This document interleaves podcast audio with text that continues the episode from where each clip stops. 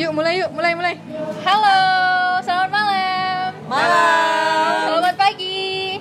Kok pagi sih? Kan malam minggu. Eh, kan pendengar kita bisa dengar kapan aja. Oh, Selamat iya, pagi, iya. sahabat Isang. Siang. Selamat malam minggu. Selamat malam Senin. Selasa, Rabu, Kamis, Ya udah sebutin Udah. semuanya. Udah, udah. Sobat Iseng, hari ini kita bakal berwisata ke masa kecil. Kita akan naik beberapa wahana dan akan mengenang setiap permainan yang telah kita mainkan di masa kecil. Mulai dari yang iseng, kenakalan, happy, sedih, berantem dan kita ceritain eh, di malam hari ini juga. Se- Pasti teman-teman punya banyak pengalaman ya. Kalau gue lihat dari tampang-tampang ini banyak nih masa kecilnya yang bandel, iseng, seru. Mungkin bisa diceritain nanti ini satu-satu. Tapi kan eh, dari teman-teman bilang tadi pengen ceritain semuanya. Coba deh kalau kita ceritakan yang satu atau dua atau tiga gitu yang sangat-sangat berkesan dan memang bisa nih didengar dan teman-teman eh, sobat iseng ngerasain hal yang sama. Iya dari sekian banyak itu pasti ada satu topik yang akan kita ceritain dan itu sangat wah gitu loh. Oke, sebelum itu Sobat Iseng, di sini kita tes suara dulu ya. Halo, di sini Roli Arianti, anak SD dari SD Spotify. Eh, nama gue Retno dari SMP Bina Makmur. gue nggak tahu nih nyebut doang. Sinetron banget SMA-nya. Eh, SMP. Perwakilan SMA. Hmm, aku dari SMA apa ya? Internasional dong. Ya kan mainnya lokal. Mainnya lokal SMA pedesaan gitu. Sekolah- Cintailah produk-produk lokal Indonesia ya. Sekolah rimba. Sekolah rimba. Eh, nyebut- kita endorse. Om dari Panti Jompo Aku mana Om? Yosra dari bukan dari Peti Jombo sih dari SMK lah perwakilan dari SMK. Oke. Di sini udah lengkap ya, ada anak SD, SMP, SMA, dan SMK. Enggak. Mari kita mulai bermain wisata masa kecil. Oke, mungkin dari Ranti nih atau dari yang paling kecil dari SD. Kira-kira dari masa SD-nya apa yang bisa diceritakan gitu? Kalau dari masa SD Renti itu sekitar sekarang 2020 ya 2020 Renti SD tahun 2006 berarti itu itu udah Waktu Om udah ini ya. Om udah SMK. udah kerja gitu. Oh, Om udah punya anak empat, Ranti masih SD. Jadi waktu SD itu pengalamannya yang paling berkisah sebenarnya Berarti belum lupa, cuman karena saking banyaknya Ranti bingung mau cerita apa. Mungkin yang paling berkesan tuh adalah pas ujian kali ya. Ujian Kenapa? kayak gimana itu ujiannya?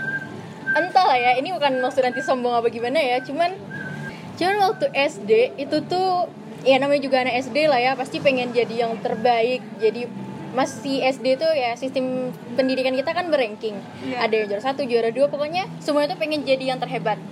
Waktu SD itu waktu ujian sobat iseng kalian tahu nggak? Nanti tuh sampai bikin benteng Takeshi loh, tahu kan?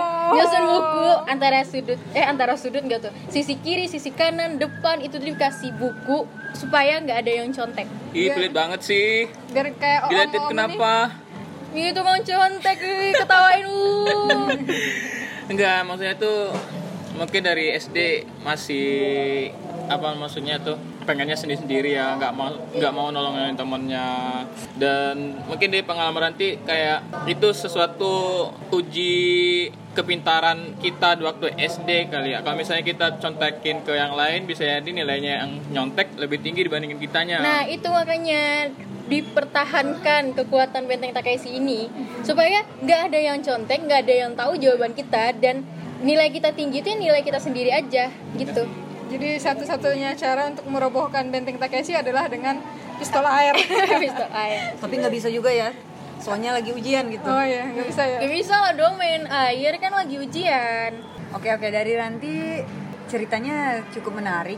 Sobat Iseng ada nggak yang pernah melakukan hal yang sama seperti Ranti atau seperti Bang Yos mungkin yang mencoba Mungkin menghancurkan dari- benteng? dari Yus sendiri bukan mendirikan benteng kali ya tapi menghancurkan benteng semua orang kan Tokan ini emang tukang contek banget loh di antara semua tukang contek si Indonesia kalau dikumpulin mungkin Bang Yosra yang paling profesional Oke, Masa sih? Belum tentu kali ya, masih banyak profesional di luar sana yang ilmu uh, Conteknya? conteknya lebih tinggi. Pernah sih ada kejadian waktu itu hmm. kapan tuh? oh teman, oh SD juga. Jadi waktu itu uh, ujian matematika dia sistem nyonteknya itu kok jadi eh, ceritain sistem nyontek sih Ini nggak apa-apa, tapi nggak apa-apa. sobat iseng jangan tiru ya jadi mereka itu naro semacam cermin Hmm. di depan eh, kan di depan meja kita tuh ada kursi juga tuh Iya. Nah, dari situ di ditempelin cerminnya. Nanti ditutupin pakai buku. Ditutupin buku ketika pengawasnya lewat, cerminnya itu di, digeser. Eh, maksudnya itu bukunya itu digeser sehingga eh, kita bisa lihat cerminnya. Dari cermin itu ngode teman yang belakang. Eh, ini nomor berapa? Eh, dikode gitu kayak cahaya gitu loh. Oh, kayak spion motor Ah, gitu ya. Jadi yang belakang, misalnya teman yang pintar ada di belakang tuh. Jadi cerminnya itu di digeser-geser supaya cahayanya nyampe ke yang belakang yang pintar. Oh. Kalau misalnya eh, pengawasnya di belakang atau di depan, jadi kita nggak nengok kiri atau depan gitu. Gua baru tahu nih, berarti ntar cahayanya nembak ke orang yang, yang mau lebih pintar, yang mau di- dikasih gitu. Jadi kita nggak noleh-noleh lagi kayak naik motor gitu kali ya. Oh, gua baru tahu nih. Pernah nggak ketahuan kayak gitu tuh? Eh, sobat iseng inget ya, ini tidak boleh dilakukan.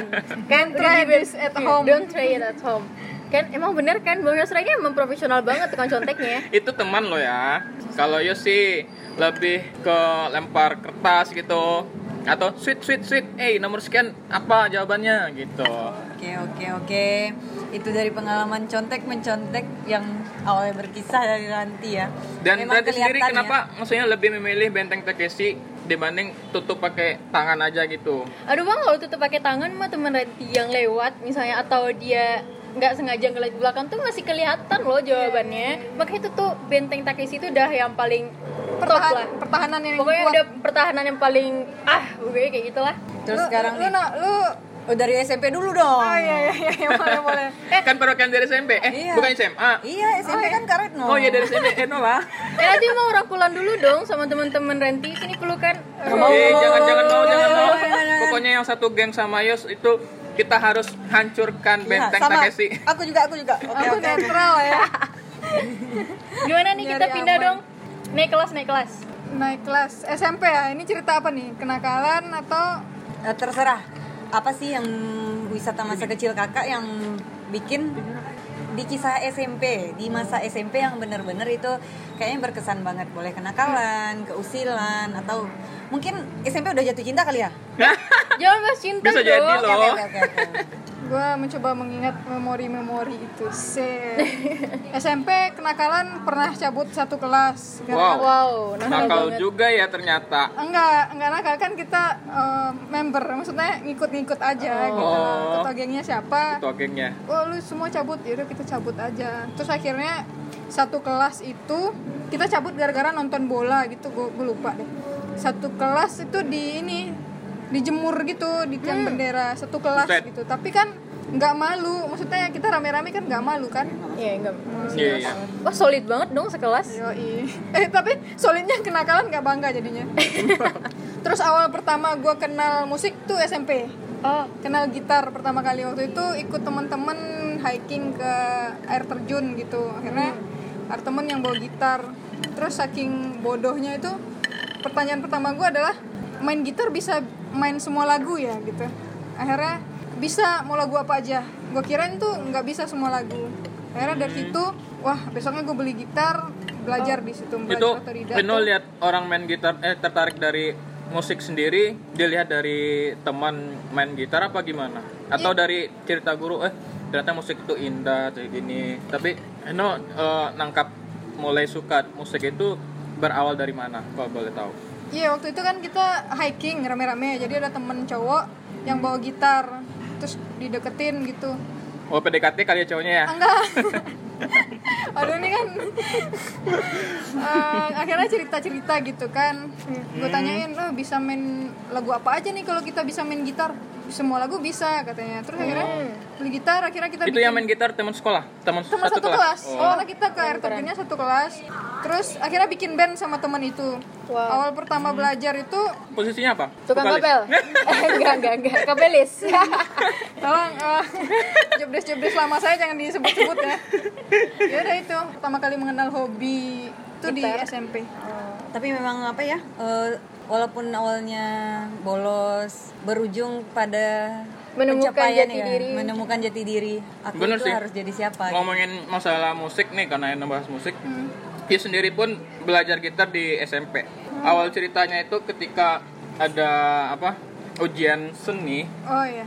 jadi guru guru itu mempersilahkan ke para siswa buat eh, menyanyikan sebuah lagu dengan alat musik musik yang beragam Oh. Nah, kebetulan teman sebangku Ios itu bisa main gitar, sedangkan Ios gak bisa waktu itu. Gue kira abang nyanyi gitu, dia main gitar. Jadi, jadi karena disuruh nyanyi satu lagu dan dan disuruh pakai alat musik, yang Ios tahu cuman alat musik wak- pada saat itu ya cuman gitar, gak nggak tahu ada yang lain. Misalnya eh, apa namanya yang dipukul itu? Drum. Drum. Terus kalau di sekolah kayak, kayak ma- marching band itu yang punya teng-teng itu apa namanya?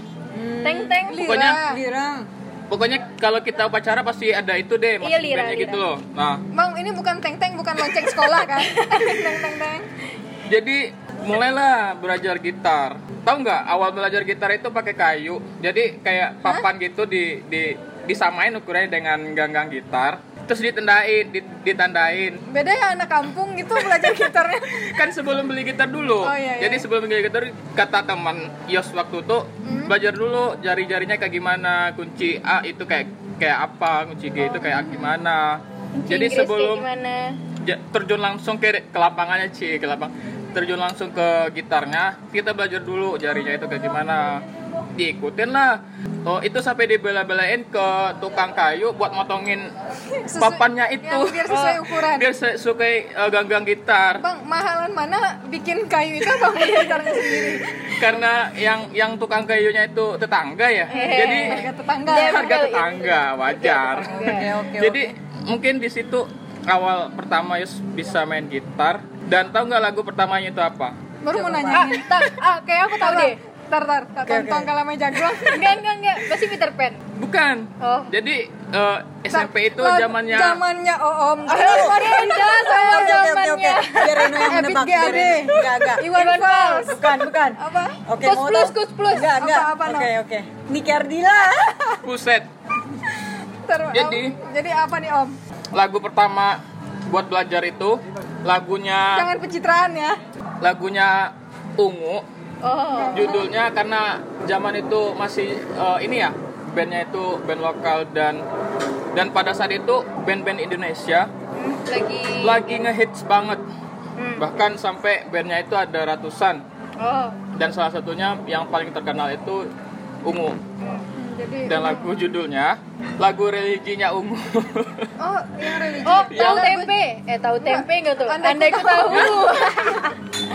Iya, andai ku tahu. Bener Ya jadi Allah. itu lagu yang diajarin dan kunci gitarnya kunci D ya. hmm, sedikit gitu loh jadi gampang buat belajar dan eh, kata teman yang bisa main gitar itu kebanyakan belajarnya dimulai dari Peter Pan lagunya apa? Yang ah iya kayak gitu. musiknya kayak gitulah judulnya. Lupa. Tapi kalau ya sendiri belajar gitar dari situ kalian punya hobi apa? Yang kalian tekuni Kayak no dari julid. kecil? Enggak lah, enggak lah. Dari Itu- kecil udah itu dari julid. lahir, bukan dari kecil. Oh, dari lahir Kalian itu. oh kalian Kalian itu. Bawaan. Bawaan. Itu udah handphone bawaan gitu. Jadi kalau ke Endo baru lahir kayaknya dia udah gosipin orang. Bukan enggak, Oh, oh, Kalau kayak itu gitu. mah Nama Eno hobi julid. itu adalah sebuah Bukan gua yang ngomong ya. Itu adalah sebuah kejujuran. Oh, dari mendengar kisah Ranti yang membuat Benteng Takeshi untuk uh, Ujian. ujian dan dengar Kak Eno di SMP-nya punya uh, pengalaman bolos dan menemukan hobi, jati dirinya gimana. Nah, kalau Eno nih di SMA. Kebetulan di SMA itu uh, kan Eno dari dari kampung. Iya, iya. Iya. Disuruh sekolah ke kota. Iya kan anak desa, gadis desa loh. Iya. Cie, Kembang, kembang. Tapi cantik BTW, oh ini tuh cantik loh orangnya. Iya, Boleh lihat di Instagramnya. Oke. Apa no? Setelah pakai beauty plus. Enggak ya. Setelah pakai filternya. Sembaran aku nih namanya sama. Terus Terus kan jadi karena aku tuh dari desa, dari kampung, sekolah didaftarin di SMA di kota. Nah, pengalaman yang sangat berkesan itu mikirnya kayak di sinetron gitu. Cie. lu SMA di Padang berarti? Iya, Oh, SMA di terus? Padang. Jadi kan eh, langsung mikir drama gitu mikir dramanya itu eh, eh kira-kira waktu daftar sekolah ini ujiannya kan ada ujian dulu tuh Iya, tes Nah, masuk. semua semua siswa itu disuruh datang ujian banyak tes gitu Mhm. ada ngisi jawaban gitu terus eh, di sebelah ini kosong dua aku berharap nih di sebelah aku ada cowok nih yang duduk berharap gitu kan. cowok Iya, ganteng. gitu kan Eh, jadi eh, gimana ya kalau dari Ranti dengarnya itu memang kisah anak-anak SD gitu dari Kak Ino gimana menemukan jati diri nah di kisah SMA ini kayaknya menemukan Bucin. gimana sih zaman dulu mana ada bucin gitu kan mana ada bucin mana oh ada itu baper cinta gitu cinta monyet Iya, kayak cinta-cinta mau di SMA monyet. deh Nah, tapi ternyata itu nggak kejadian gitu, Yang kejadian. duduk di sebelah lu siapa? nggak ada. Emang kosong. Ini emang kosong gitu kan. Tapi terus akhirnya oh jadi gini ya sekolahnya. Dan kebetulan Eno BTW sekolahnya di mana no? Salah satu sekolah SMA swasta di, Di Padang. Padang, ya di Padang gitu kan. Jadi oh, mikirnya aja pokoknya agak drama gitu, agak, Agak drama, halu. ya halu halu gitu kan punya eh, pengalaman dan mencoba eksplorasi gitu kan. Ya ini gimana sih zaman SMA? Ini gimana sih eh, zaman SMA zaman SMA kita harus apakah harus punya pacar saat itu gitu Ah, kan? seperti yang di sinetron. Ah, kayak di sinetron gitu kan. Dulu kan ada apa teman-teman nonton nggak di SCTV? oh FTV kayak FTV gitu yang judulnya Cookies dalam seminggu itu dia dari Senin sampai Sabtu itu eh, dari Senin sampai Jumat itu tamat Om, seminggu iya, lagi om deh. Om, masa roaming nggak ya? tahu sih iya jadi kan karena keseringan nonton gitu Om, oh kan film dokumenter Bukan. persib nasional TV yang masih ditonton. hitam putih. oh Oh, TV oh masih hitam putih Oke. Sobat iseng jangan hujat kami bertiga kalau setiap episode eh, Kita membuli. membuli orang yang paling tua gitu. ya kalau dari Pokoknya, sih ya. gitu. gitulah ya.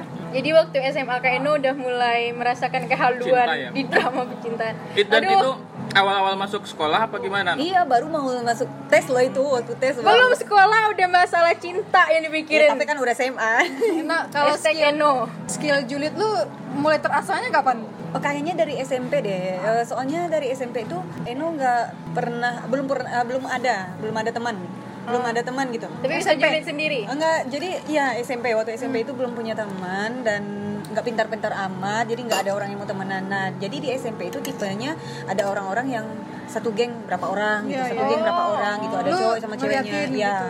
Eno cuma ngeliatin doang gitu kan. Nggak masuk dalam geng itu? Enggak, dan nggak ada niat pengen Non-blok ya? gabung gitu. Nggak ada niat Dan pengen sampai gabung sekarang lu gitu. bukan tipikal orang yang gitu enggak, juga ya. emang, enggak sampai sekarang juga enggak freelance. gitu. Ke mana aja sama sama siapa pun duduk gitu. Ibaratnya sama siapa pun duduk nyambung bisa nyambung. Iya, iya. Eno bisa Oh. memper- eh, Masuk lah. masuk gitu ngomongnya. Nah jadi kalau untuk julid itu sendiri ya namanya baru kekinian sekarang Iya, ya. iya. Padahal kita setiap orang punya eh, Skill masing-masing. dalam mengetahui gitu rahasia rahasia apa nih. analisis orang Rahasia menganalisis rahasia apa nih nih orang punya rahasia apa sih gitu kan setiap orang punya hak untuk menggali Emang Ke observasi. penasaran. observasi gitu dengan Mengamati. penasaran gitu kan nah itu dari SMP nah sejak itu kan karena sering memperhatikan orang bisa belajar eh, ketika dalam kondisi ini harusnya eh, ini kenapa sih orangnya kayak gini oh ternyata dia temannya ini gitu nah mungkin sobat iseng kalau pengen tahu nih nanti ada kuliahnya seminar ya ada Seminar ya nih tuh? bayar nih nggak bisa ceritain Tips-tips Ngomongin. SMA pasti Eh, bentar, banyak bentar, bentar, bentar, bentar. Oh. Ini kan dari Eno dari SMA nih ya. Nah, kalau SMA itu kan lawanan nih sama anak-anak SMK yang lebih nakal gitu kan. Iya, iya, Dan om kita gitu. Kita akan memberikan panggung tapi kita akan siap untuk Anak membuli. SMK kan identik dengan tawuran. Om Ah. ikut tawuran gitu juga nggak? Jadi SMK tanpa tawuran itu bukan Itu SMK bukan SMK. namanya tapi bener loh, bener loh. Waktu SMA Eno pernah punya pacar dia itu anak SMK dan memang iya gitu. Iya, jadi SMK ibaratnya kita tuh eh. sejak kelas 1 awal masuk kita kayak di Di coaching gitu ya? apa dicuci otaknya supaya kita tuh berani menghadapi segala hal di luar sana. oh oh Brutal. brutal hebat sekali pemikirannya Jadi ada senior-senior, "Hey, misalnya kan, lu SMP-nya mana?" ditanyain. Anak mana gitu? Aslinya mana? Terus geng di rumah siapa aja? Maksud gengnya itu preman di situ siapa gitu. oh Mungkin dari dia maksud dia nanya itu bisa kenal sama preman yang di tempat kita tinggal. percaya itu pasti buat prospek gitu. Jadi tanyain, "Eh, itu anak SMK A mau nyerang SMK B gitu kan. Lo ikut gak katanya? Tuh bener kan di prospek gitu, diajakin gitu ya. diajakin gitu. Ya, nggak usah nggak usah nyerang dulu, lo belakang aja gitu. Nanti teriakin. Orang-orang itu bakal takut kalau kita teriak suaranya keras. Oh, tim hore tukang- jatuhnya ya. Iya karena waktu masih Awal-awal. masih awal waktu mas baru masuk.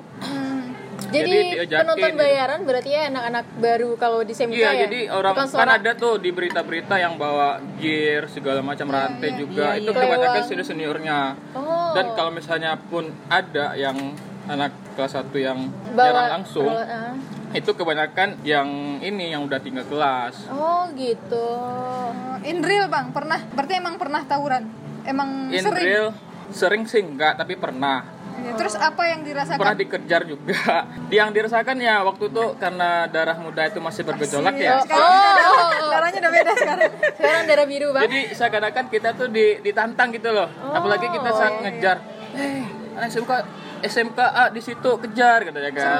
gitu ya. itu bareng-bareng rame-rame gitu loh. Ini kayak eh, kayak bahagian sendiri padahal itu nggak guna gitu. Sadarnya itu ketika kita udah enggak bukan. Ketika kita udah selesaiin tawuran itu dan duduk di rumah, Terus? baru sadar eh gua Gua nge- ngerjain sih? apa sih tadi? Gitu loh. Kayak gimana? Nggak nggak guna banget gitu loh. Tapi karena kita belum mikir ke arah situ jadi ya ngikut-ngikut aja. Dan bahkan pernah waktu ada pesta anaknya guru. Jadi kita tuh diundang satu ulang kelas. tahun gitu. bukan eh, nikahan barale lah. Iya. jadi ada dan dan guru itu wali kelasnya kita diundang satu kelas buat datang ke acara bapak tuh di malam minggunya dan dan tahu sendiri kalau misalnya ketika geng-geng pria kumpul yang harus ada dan wajib ada itu rokok Oh, hah. terus tuak sama anggur merah oh orang tua nggak? maksudnya? Iya anggur merah orang tua. oh ya nggak nyambung.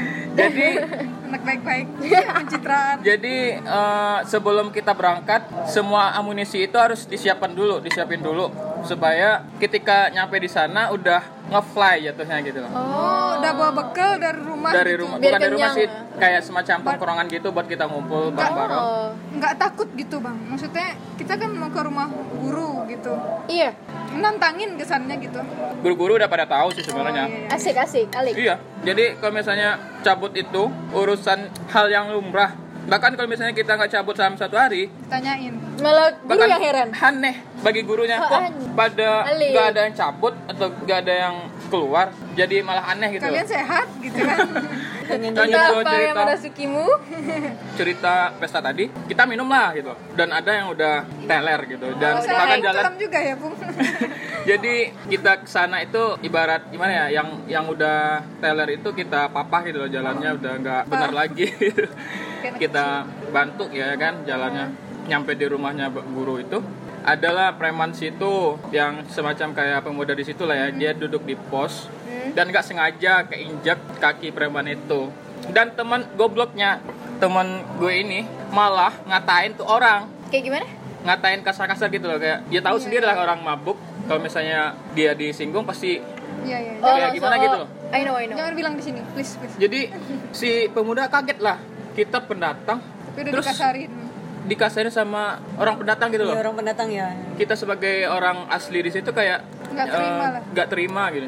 Oke kata pemuda itu kan. Oke kita dibolehin lewat sampai sudah acara. Kita udah have fun lah pokoknya di acara itu. Kita kayak ngeklubnya lokal itu low budget lah Ya, tahu tahu. jadi habis have fun dan mau pulang nih ternyata kita ditungguin sama tuh pemuda pemuda di Yang tempat itu tadi. tahu nggak dia nungguinnya tuh pakai balok sepanjang tangan ini loh Berapa nih panjang ini? ya sekitar satu meter lah Meter ya. Oh, jadi tungguin kita ditungguin dan sebagian itu udah pada teller tapi sobat iseng jangan tiru ini ya. Ini ibaratnya pengalaman yang nggak bisa dilupain. Waktu masih masih muda gitu ya. Eh, SMA eh SMK. Jadi habis ditungguin pakai balok sepanjang 5 eh 1 meter, dikejar. Satu kampung dikejar. Dan dan posisinya waktu itu kayak gimana ya? Kita tuh dikepung. nggak tahu juga sih, eh, nggak tahu nggak tahu mau jalan keluar gimana. Yang penting dalam pikiran pada waktu itu lari dan pulang gitu loh hmm. dan nggak tahu dan aneh dan ini paling lucu ada teman ketika hari dia mau kebelet pipis dan Habis di celana. pipis sambil lari dia lari oh gitu Kayak gimana tuh? Astaga, aku ngebayangin loh. jadi Jadi kita tuh sambil lari lari sambil kencing. iya lari sambil kencing Kan dan guru- kalau cowok kan bisa diarahin Astagfirullah. Dia Dan ninggalin itu- jejak dong. Apa pepatah yang murid kencing berlari itu kayaknya ini dah. Oh, itu yang murid. Mu- bu guru, Astaga, guru, guru kencing, kencing berdiri, berdiri, murid murid, kencing kencing lari mungkin ini kejadian realnya Jadi dia lari sambil, Sambil kencing, kencing. ninggalin jejak kayak gitu bang. Itu nggak dia ninggalin jejak sih tapi eh, udah nggak tahan daripada kencing di sana ya udah Ke mana dia lari? Astaga. Astaga. jadi nggak tahu kenapa mungkin pemuda setempat pada capek kali ya ngajar kita ya udah dan tahu nggak nafasnya itu Apa? ibarat ngos-ngosan banget gitu loh padahal dan setelah besoknya kita lihat kita tuh lari hampir satu kilo lebih Oh, kurus dan dan juga ya. dan nggak berhenti Akhirnya dan anehnya ya. kok bisa gitu loh padahal kalau dalam keadaan sadar Itu tuh capek banget pasti. pasti Gak dong kuat. dan pada saat itu kayak ada tenaga tambahan. tambahan, Tambahan. ya karena ketakutan itu kali ya Oh, dan itu dikasih mungkin power. Pengalaman yang nggak dilupain Bener. sampai sekarang. Dan itu kayak jadi pelajaran kalau misalnya kita ke tempat orang itu ya baik-baik lah. Jangan Jaga ngatain sikap. walaupun kita bareng-bareng. Tapi harus sopan. Iya, tapi bagi sobat iseng jangan pernah nyoba kegilaan aku eh, di SMK dulu, karena eh, Hmm. itu tuh nggak banget itu seperti deh. Membuang-buang masa muda nggak? Iya bener, ngebuang-buang duit orang tua juga. Ngapain gitu beli-beli minuman Akhirnya yang setelah tua Om sadar gitu ya. Untung om sadar kan? Kalau nggak susah disadarin. Susah kalau disadarin mah kalau kayak gitu. Menarik. Tinggal kelas boleh nggak? Kita balik lagi ke SD. Aku jadi keinget zaman SD yang waktu tuh entahlah ya mungkin ini emang tabiatnya anak SD apa gimana hobi banget gitu Cie bilang kalau misalnya SD kita tuh dulu bekas rumah sakit loh dulu SD ini pernah jadi kuburan ini loh dulu ini nih Oh cerita-cerita kayak gitu ya? kayak nakut-nakutin banget gak sih dan Iya. kita yang anak SD mah iya iya aja ya apalagi yang ngomong tuh tuh tuh kakak-kakak kelas Yang anak kelas 4, enam, ya. kelas Atau 5, yang kelas udah 6 ya SMP udah yang lama alumni di situ kali Iya. ya?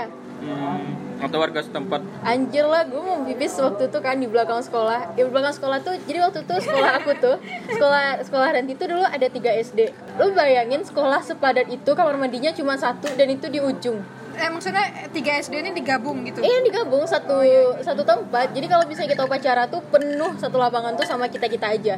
Dan itu pun kelasnya tuh tiap kelas tuh ada kelas A, ada kelas B. Jadi satu A, satu B, satu dua B, dua dan itu tuh lo bayangin deh ada tiga sekolah di mana masing-masing sekolah tuh punya dua kelas tiap tingkatannya. Itu tuh rame banget dan dan kamar mandinya cuma satu dan itu paling ujung. Lu bayangin kamar mandi udah satu di ujung makhluknya sebanyak itu dan anak SD lagi pasti pada jorok-jorok. Ah. Paling kesel banget kalau misalnya udah ke kamar mandi terus bau bau pesing dan bahkan ada sampai yang ninggalin bekas tuh menjijikan sih. Tapi itu tuh malah bikin kita makin ini bau pipis apa bau apa ya Jadi Ini kebayang kayak- ya bau-bau kayak gitu ya? Iya kayak ngebayangin ini bau ini beneran bau pipis manusia apa bau pipis siapa sih? Ini beneran bau amis dari bunga apa bau amis dari apa gitu? Karena udah terdoktrin sama kakak-kakak kelas bilangnya ini rumah semua sakit loh. eh, WC di SD mana pun pasti bau bau-bau yang gituan. Kita cerita ini Om lagi makan nih. Kenyang om. Sengaja itu. Kan emang jahat gitu. Jorok banget dan menakutkan. Kesannya tuh kayak emang benar-benar sekolah angker banget gitu sama bau-bauannya kayak gitu. Mungkin untuk tema horor kita bisa bahas satu episode kali ya di. Iya deh kayaknya Boleh, Boleh boleh juga. deh, boleh juga. Tapi gue nginep abis itu ya. Serius. Kayaknya ada yang takut nih. Ya rata-rata sih kita eh, tingkat keberanian kita cuma di bawah 50%. Pada takut semua. Tapi Setelah itu eh, tingkat kenekatan. Oke, kayaknya menarik cerita Ranti jadi masa tinggal kecil. kelas lagi kita nggak apa-apa kan? Nggak masalah, nggak masalah. Dan kalau kelas. diceritain masa lalu kita kayak gimana, pasti nggak bakalan habis. Dan Iya, sobat-sobat iseng pasti punya pengalaman-pengalaman yang Seru lainnya. seru, lebih seru malahan dibandingkan kita. Hmm, kita cuman beberapa aja dan itu tuh sebenarnya general banget. Ragam kita nantikan wisata masa lalu, wisata masa kecil dari sobat-sobat iseng lainnya. Dan kita pengen sobat-sobat iseng juga berinteraksi dan berbagi cerita itu sama kita. Harapannya Dan kita- sih ketika kita cerita ini teman-teman sobat iseng ngerasain yang hal sama gitu. Jadi mengingat kembali eh memori apa sih yang kemarin?